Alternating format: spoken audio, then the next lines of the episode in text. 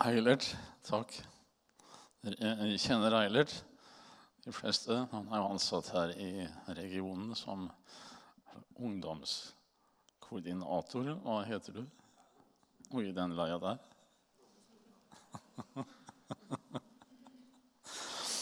og vi har mye sammen innen Logos-arbeidet, ikke minst i høst. Og vi tror det blir mer framover.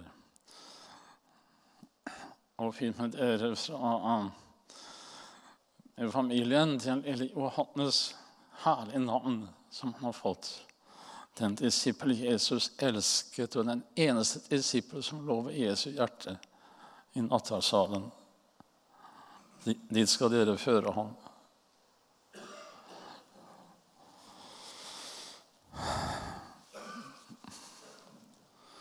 Ja, de, de, fleste vet hvem jeg er. Kanskje jeg var her for en del år siden. Kristoffer Inge, når var det? Såpass, ja. Kjære, du hadde det på, på, på husken. Da, da, slet jeg med stemmen, tror jeg. Jeg måtte hjem og ta behandling i risen for stemmemusklene. Um, det kosta meg mye mer å komme hit denne gangen. Det har vært krevende. Um, vi vi mista gutten vår for noen måneder siden. Og um, fortsatt så er jeg nok inne i en tung uh, sørgetid, men også en god trøst. Det var, har vært voldsomt hardt. En, eh, en, en, god, snill, empatisk, takknemlig gutt som vi har vært veldig glad i, og er det fortsatt. Så eh, jeg må stadig ned på en lille, eller store for så vidt, et stort kontor, bønnerom nå i kjelleren, som Torbjørn jeg husker ikke etternavnet Blant annet han eh, er her, har vært med og laga for meg, og Sondre Ims. Og, så det har blitt bra. De har fått både eh, tømt ut sorgen og fått trøsten der nede. Man spør seg hvorfor skal det slik skje. Jeg har mange slags spørsmål om det, og kamper med Herren som jeg ikke kan utdype her. Men um, Jeg har ikke blitt noe frommere av at han døde. Det har jeg ikke.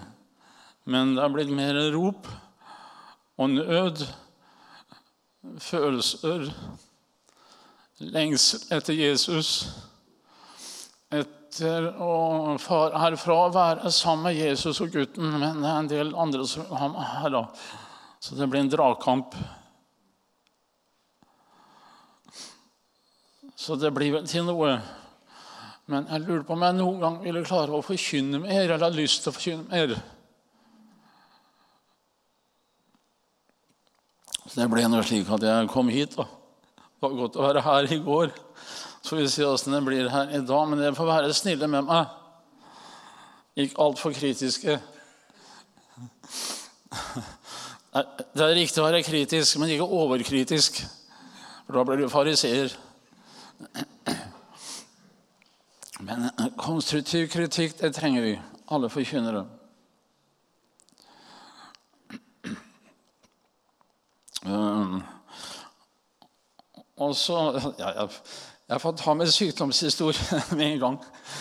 For en del uh, uker siden så jeg operert i en mellomgulv. En svær operasjon. Det var voldsomt. Og uh, med maven som krølla seg opp, helt opp i brystkassa.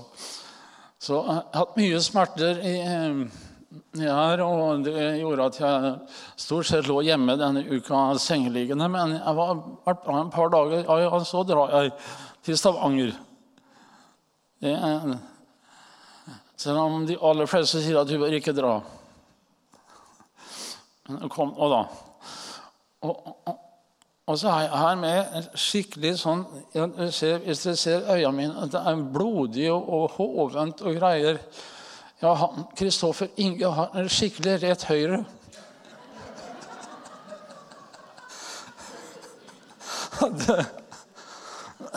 Vi må slutte å diskutere NLM.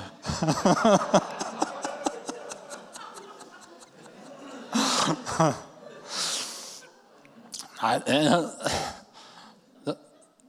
det hang slik sammen at jeg kom på en gal perrong. De hadde skifta spor, flytoget til Oslo, og så måtte jeg bråspringe over en annen. Jeg hadde dårlig tid for å rekke både fly og tog. Eller tog og fly. Så jeg sprang med bagasjen. og Jeg skal helst ikke gjøre heller. Jeg skal ikke løfte stort for tiden. Og så sprang jeg opp på trappene og snubla og falt med hodet rett i steintrappa. Så blod sprutet når jeg kom inn på flytoget. Så. Er ikke noe særlig men Jeg tror ikke jeg fikk noe hjernerystelse, men det ble noe forholdsvis Ja, jeg ble litt forandra oppi her. Så det, det er den historien.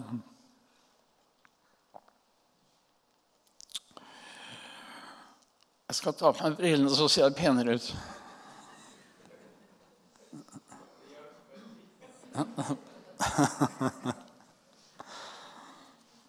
Jeg bare sier det sånn til dere. Jeg vet ikke om jeg har truffet så mange av dere, men det var veldig godt å være i Salem forrige gang jeg var her. Det, det, det sitter i meg på dypet. Jeg har ofte tenkt på at om jeg kunne få treffe dere igjen så fikk jeg en liten anledning. Det gleder meg. Kristoffer Inge ble jeg veldig glad i og kjente bånd til han. Tross den her knyttneven din. Den tåler vi.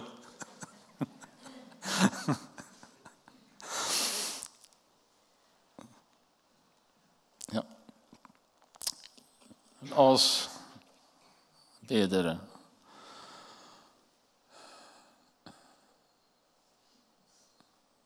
Takk, Jesus, at vi med frimodighet kan komme foran nådens trone og få hjelp i rette tid. Og nå er også i en situasjon den rette tid. Jeg trenger din hjelp her. Jeg trenger deg, Hellig Ånd. Fyll meg og eh, tal gjennom meg. Må du herliggjøre Jesus og binde oss til Jesus. Vi må kjenne deg, her og kraften av din oppstandelse i våre liv. Vi ber om lys og salt der vi bor. Herre, kom til oss i dette møtet. og være hos, være hos barna nede, at de får en fin stund som setter spor i dem, Herre. Takk, Jesus, at du står ved siden av meg og er der nede, der hver enkelt sitter. Det priser vi deg for. Amen.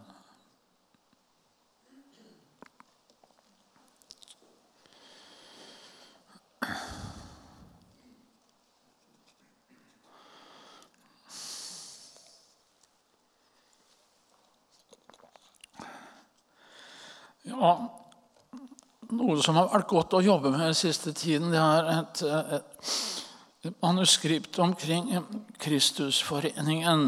Jeg driver på med en, en, trilogi kan vi si da, om det med å være forena med Kristus.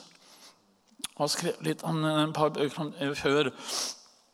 Da driver jeg på noe av det samme som Hauge sang om Jesus, din søte forening og smake. Det må være forena med Kristus. Det, det, er noe som vi er kjent med for seg. Men ikke altfor kjent med, tør jeg påstå. Det var hovedsak og mottoet til gamle Kristian Skriver på 1600-tallet. En kjempen av en oppbyggelsesforfatter.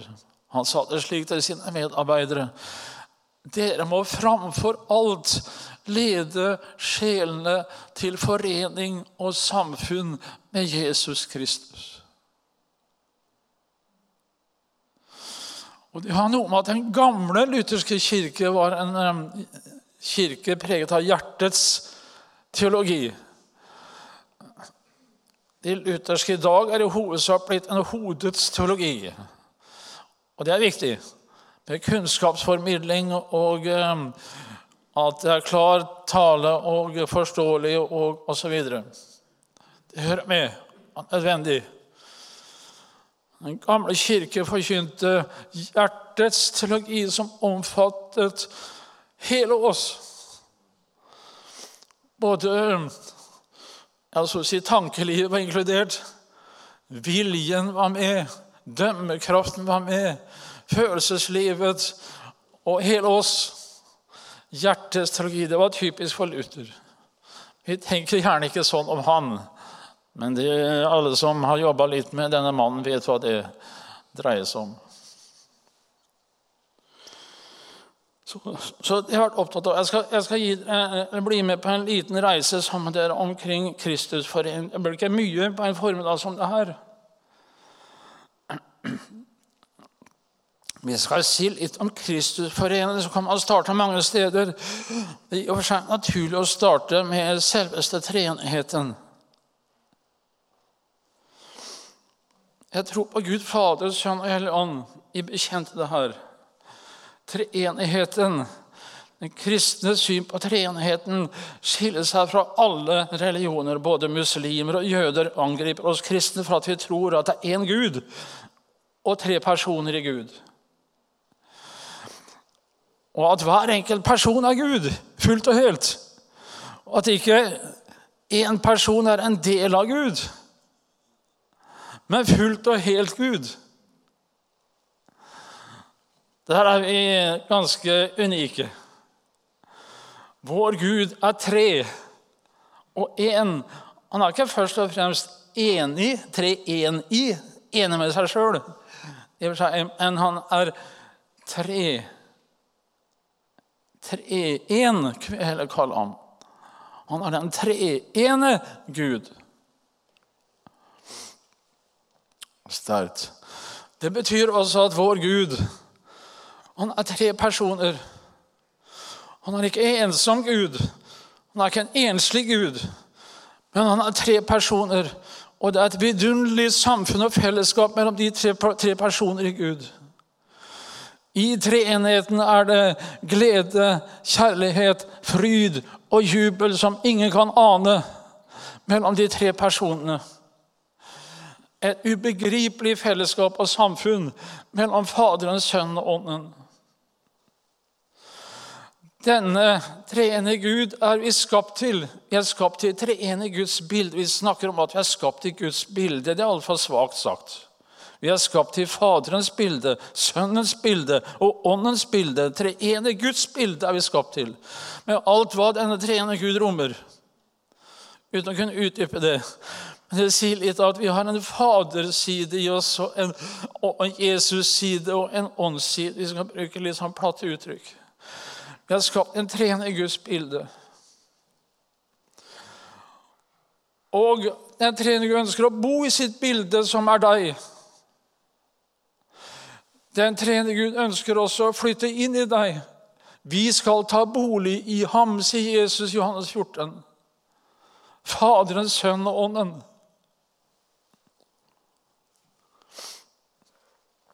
Så det den treene Gud lengter etter mer enn noe annet, er å løfte deg inn i treenigheten.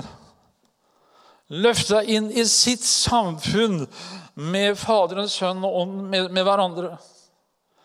Han vil ha deg inn i seg. Det er målet med hans frelse. At en trener Gud han vil løfte deg ut av dette livet og inn i seg, inn i treenigheten. Da ble én person i treenigheten utvalgt til å utføre det oppdraget. Å ta bort skillet mellom treenigheten og deg.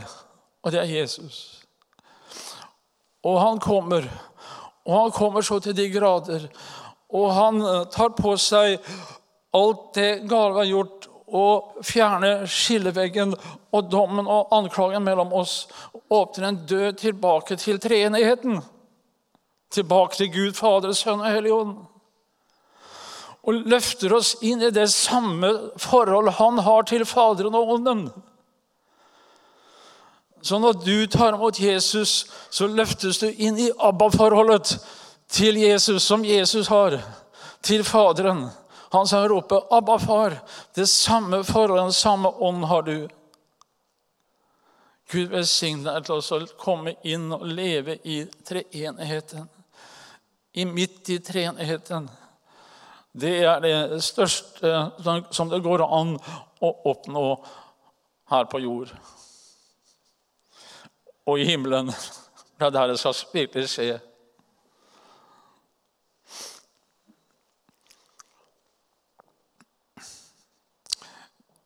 Jeg er glad i Den hellige ånd. Jeg håper at du også er. Ofte når jeg tenker på Den hellige ånd, for jeg mediterer over treenheten hver bidige dag. Jeg mediterer over trosbekjennelsen hver dag. Faderens sønn og Det burde jo gjøre. Grunn litt på å tenke over hva disse ledda betyr. Og når jeg kommer til Den hellige ånd, så må jeg mange ganger gråte og takke for at du, Hellige ånd, viser meg Jesus. Du er så ydmyk. Du trer til side. Du ønsker ikke å få oppmerksomhet. Du ønsker å opphøye Jesus. Gjør meg slik at ikke jeg skal komme fram og være så synlig med at Jesus kommer fram i meg.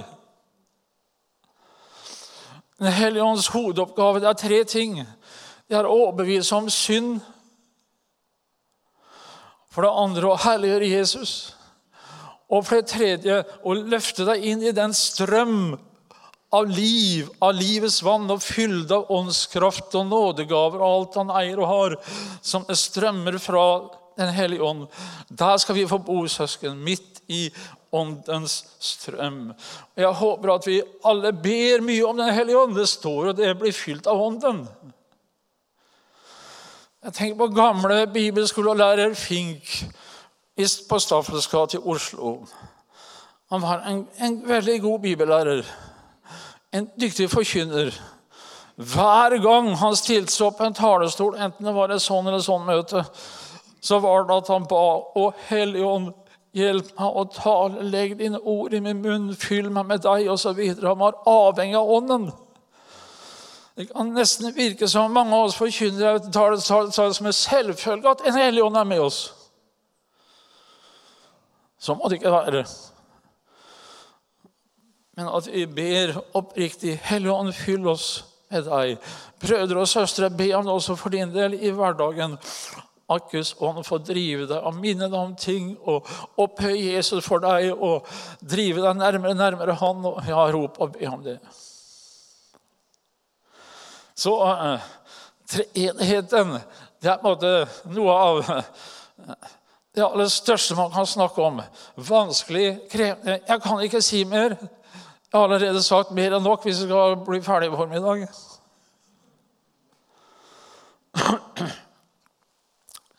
Men han som førte oss inn i treenheten For der bor du nå. Hvis du tror på Jesus.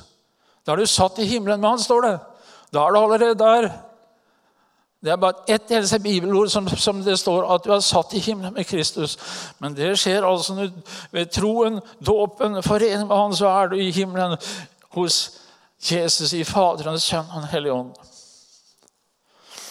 Det overgår all forstand nå å ta pusten fra oss. Det er Jesus som kom ned til jord for oss å bygge bro mellom himmel og jord. Og Her kommer dette med inkarnasjon i bildet, som, som er så sentral i forbindelse med Kristusforeningen.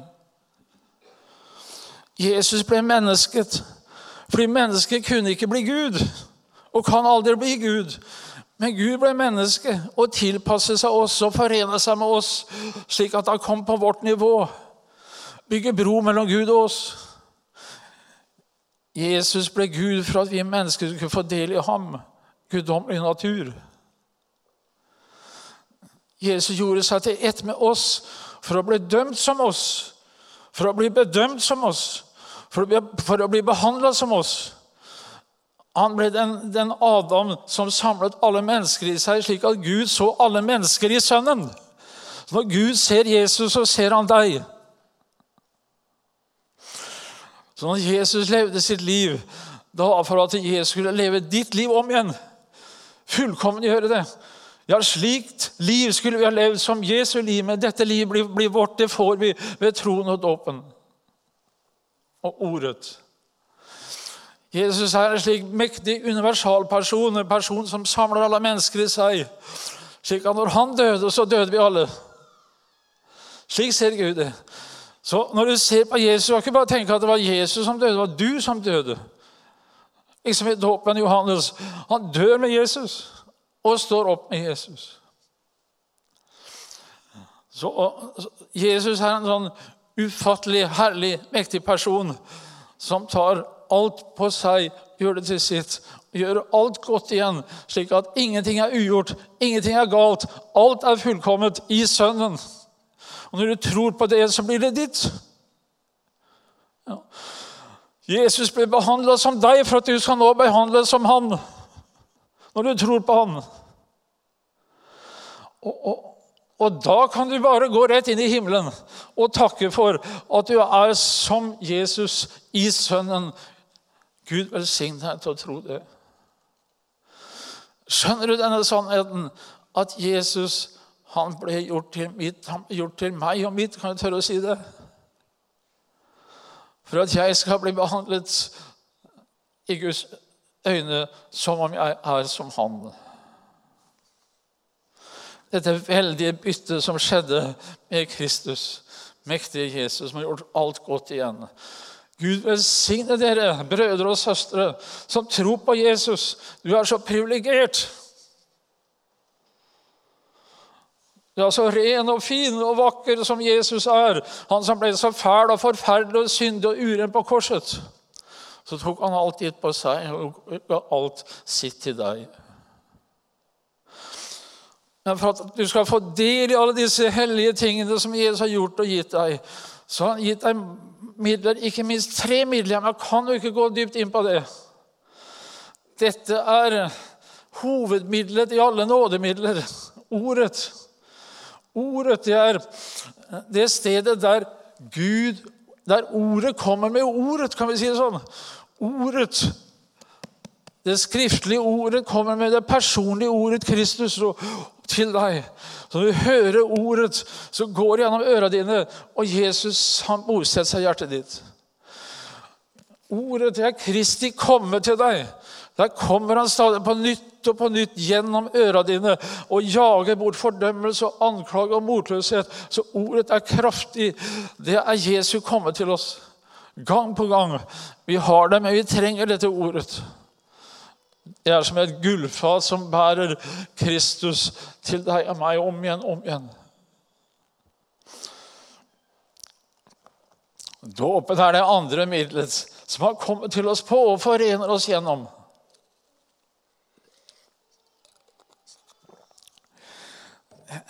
Det sterkeste, fineste, rikeste dåpsordet i Bibelen. Vet du hva det er?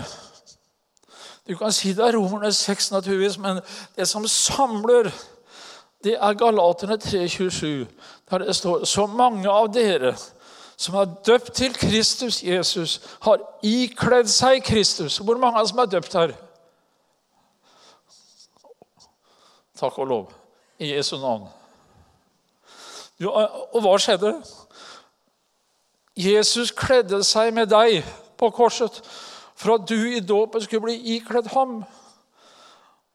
Hvilken festdrakt er du kledd med? Du ble kledd med selveste Jesus fra topp til tå, som dekker deg helt og skjuler deg i seg. Kledd med Jesus. Ja, han er nærmere deg enn klærne på din kropp. Og Luther sier enda sterkere han er nærmere deg enn skinnet på din kropp. Så nær er du og Jesus, kledd med hverandre. Lille Johannes opplevde det i dag. Du er kledd med Kristus, døpt til Kristus. Du er fin, se. Om jeg kunne få på meg himmelske øyne og briller til å se dere nå, sånn som Faderen ser dere Jesus, at da må jeg si vet nesten om jeg har hørt å preke dere. Det er herligere enn en svær engleskare her på Salem, kledd med Jesus. Det tredje stedet der han kommer til oss på gjennom nattverden. Der kommer han ikke bare på en måte på hud eller skinn eller sånn, eller gjennom ørene og ordet, men gjennom munnen. Det er dristig tale. Han kommer sammen med brød og vin. Han kommer sammen med ytre elementer og mat. For det er ingenting som forener meg nærmere med kroppen enn mat. ikke sant? Ikke noe som kommer nærmere meg enn maten, som forvandler meg og, og, og ja, gjør at jeg får celler og muskler osv. For slik kommer Kristus sammen med maten og forener deg med seg, slik at han vinner skikkelse i deg. Nattverden er et ufattelig måltid der han forener seg med din ånd, med din sjel, med ditt legeme, slik at du og han blir en kropp. Dette er Jesu legeme. Et bilde på ekteskapet, sa det gamle. Jeg liker å jobbe med de gamle kildene. Det må dere hente fram, brødre og søstre. Et legeme. Det er jo bare et eneste sted utenom kan vi si, de åndelige dimensjoner at vi snakker om at vi blir ett legeme, og det er ekteskapet. Det eneste stedet blir ett legeme der vi legger ned så å si grensene for hverandre. Men dette er et bilde på den, den høyere virkelighet. At vi blir ett legeme med Jesus, der han sier 'Dette er mitt legeme'. Dette er mitt blod. Så hvor du og Jesus blir ett i ett legeme. Ja, og forena som om dere er én ny person med hverandre, du og Jesus. Det er fint. Jeg tror til og med om vi hadde skjønt det selv her i sambandet og hoppa og dansa på, på stolene nå.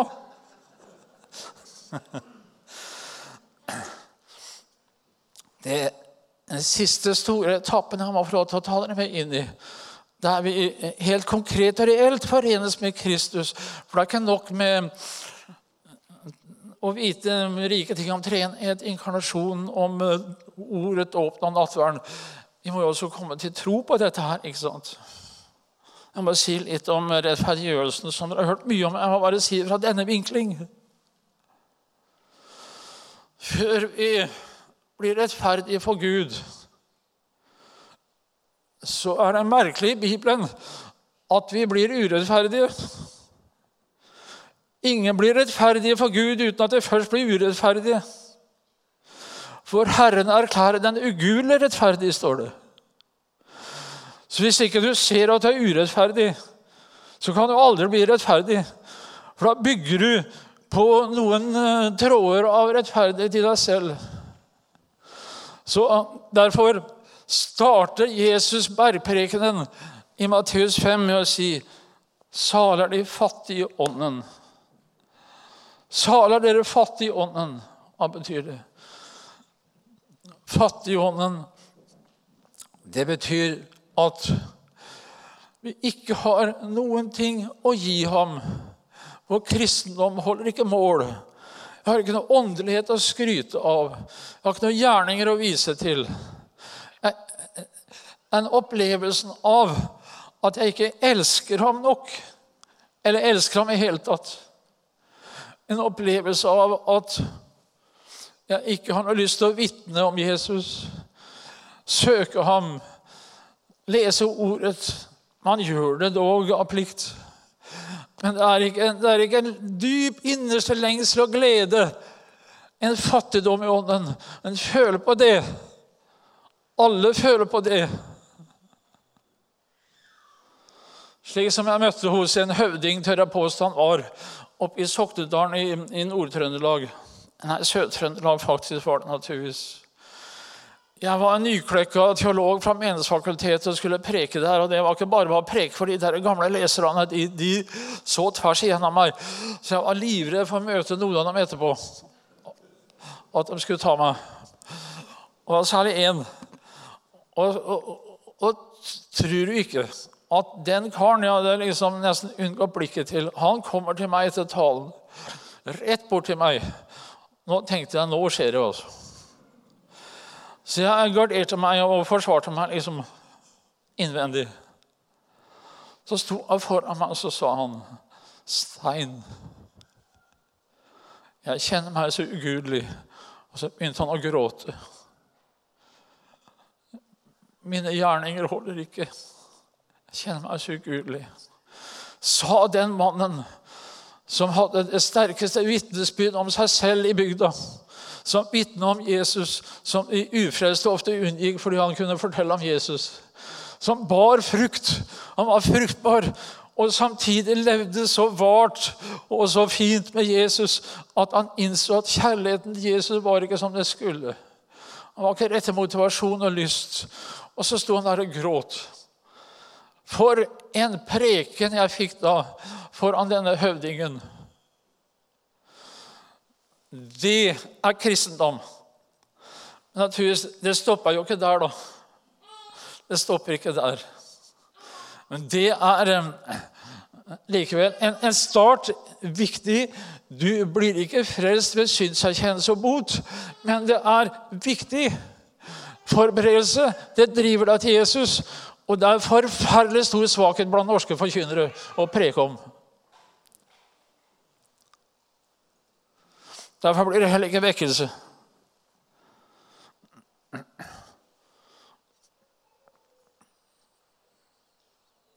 Fattig i ånden blir alltid rike i ånden. For man står der fattig i seg selv foran Guds ansikt og, ser i alle retninger og spør om det er redning, er det noe håp, er det noe hjelp, kan jeg få trøst, kan jeg få frelse, er det noe, er det noe, kan jeg? Og så er det også at eh, Faderen løfter Sønnen framfor oss og sier, 'Stein, her er ditt håp.' Han har sonet din synd, blitt dømt for den som om han selv hadde begått dine synder. Han er din stedfortreder, din rettferdighet. Han er alt du trenger. Tro på han, hør ham, ta imot ham. Og så er det at altså Faderen løfter fram Jesus for meg. Så får jeg lov til å se på Jesus, Guds lam, som bærer min synd. Og så får jeg frihet og glede, og så skjer det også at domstolen blir forandra helt. Det blir eh, ja. ja, jeg kan si det blir en bryllupssal. Jeg liker uttrykket 'brudedimensjon' med Kristus. Og vi løfter fram igjen. Det er uhyre viktig i vår tid at vi løfter fram igjen. For eh, det å bli frelst det er, det er i hvert fall to ting. Det er at Gud dømmer deg uskyldig og sier du er uskyldig for Jesus skyld. Du?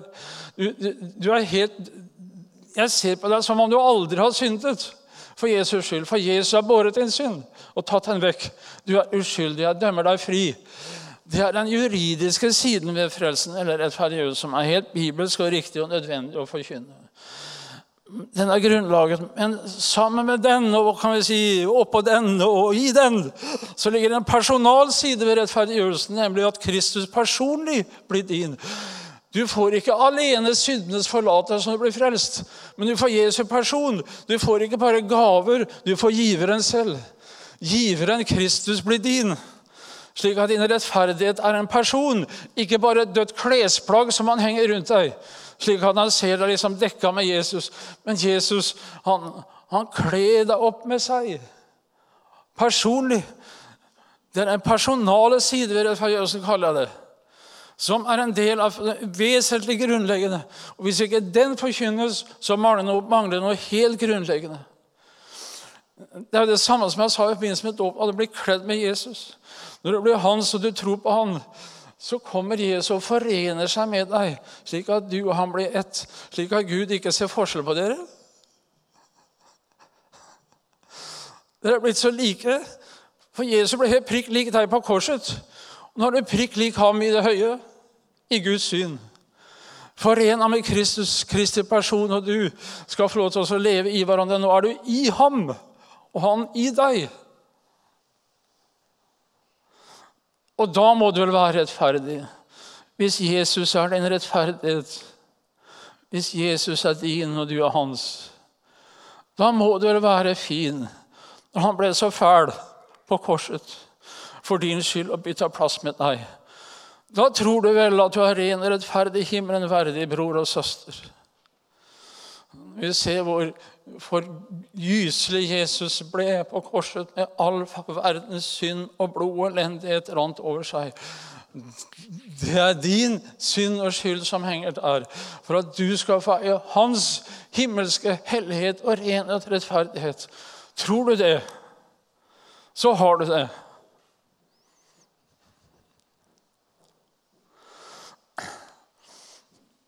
Så jeg, jeg pleier å si det, det sitter et enormt Og Stein, om jeg skjønte det, sitter enormt fint folk foran meg. Guds folk dekket og kledd med Jesus. Gud ser sønnen sin på deg og i deg. Jeg lever ikke lenger selv, men Kristus lever i meg. Kan vi oppnå noe høyere status? Guds små sønner og døtre, kledd med det store sønnen Jesus Kristus. Bror og søster, ta, ta imot. Det, det er ditt. Det er meningen, det. Det er ditt. Og så blir det altså alt på til brud. Han har en merkelig smak, Jesus, men han valgte deg og meg. Og eh, han angrer ikke. Han vil ha oss. Han har gjort oss finere enn englene. For englene har en naturlig uskyldighet fra evighet av. Men de er ikke Jesu uskyldighet og renhet og rettferdighet. Det har det ikke. Det har vi som tror på Jesus. Det er den rette tro og dimensjon. Vi kan aldri snakke for høyt om det. At vi er ett med denne enorme Jesus. Hans person, hans majestet og styrke, hans rikdom og alt er overført på oss. Sånn er det i de fleste ekteskap. At når vi gifter oss, så får vi den andre eier. Eller er det annerledes her i Rogaland? At du sier liksom i forbindelse med ekteskapsinngåelsen Nei, det er mitt, og det er ditt. Det, det, det der, de arva, jeg er bestemor, og de skjeene og de der klærne, der skal jeg ha. Vanligvis så blir alt felles. Og slik er det også med deg. Vi har alt felles. Vi har en felles rettferdighet. Fordi hans rettferdighet er overført på meg. Og min synd er hans. Hans renhet, hans hellighet, hans rettferdighet er min og min synd, min skyld, mine bekymringer, min nød, mine plager er hans. Sånn er det mellom meg og Wenche, kona mi. Vi har alt felles. Det hun sliter med, sliter jeg med. Er hun, opplever hun tøffe ting, så opplever jeg det også. Men det er like svakt og menneskelig. Liksom. Det, det, det, kan være sterkt, det òg. Men, men tenk, tenk, på forholdet mellom deg og Jesus. Han registrerer alt du erfarer, alt du går gjennom, alt du sliter med, alt du skal møte. Det er like mye hans sak. Dere to er ett. Du er ikke alene om noen ting. Husk det. Så får vi bo der i Sønnen i tid og evighet. Og en dag skal jeg se ham og du ham direkte, ansikt til ansikt. Hvilken herlig person vi er forena med, og som vi skal i ett med, og som vi er gift med. For da er bryllupet helt klart og ferdig. Men det har begynt her. Takk for at dere hørte, og at jeg fikk si litt om denne hemmeligheten. Et stort mysterium. Og jeg håper at noen har fått tro at de er noe mer ett med, noe mer forena med Kristus enn de kanskje tenkte at de var når de kom inn hit. Jesus, takk, takk at du har kommet, Herre, til oss. Du, du ville ikke leve i evigheten uten oss. Du måtte finne en brud, liksom Adam i paradiset ikke orket å leve uten en brud. Slik er du, nye Adam, og du finner en brud i en tilstand som ikke passa seg for deg. Men Herre, du tok på deg brudens urenhet og skitt og tok det med på korset, Herre. Og Jesus Kristus, så det at du renset henne ved ditt blod og skylda over hennes synsforlat. Så kler henne opp ikke noe mindre enn deg, Herre. For du alene er brudekjole og renhet, Herre. Og jeg ber deg nå, Jesus, at vi alltid tenker over at du er helt inntil oss, ett med oss, at vi aldri er alene om noen ting. Men at du støtter oss og hjelper, gråter med oss, kjemper med oss, fryder og gleder deg sammen med oss. Velsign denne kjære flokken. Det ber vi om i Jesu navn. Og Kristoffer Inge og ungdomsleder, Herre, la dem få leve hos deg i, i treenigheten og forkynne deg med glede og lys og innsikt. Det ber om i Jesu navn. Amen.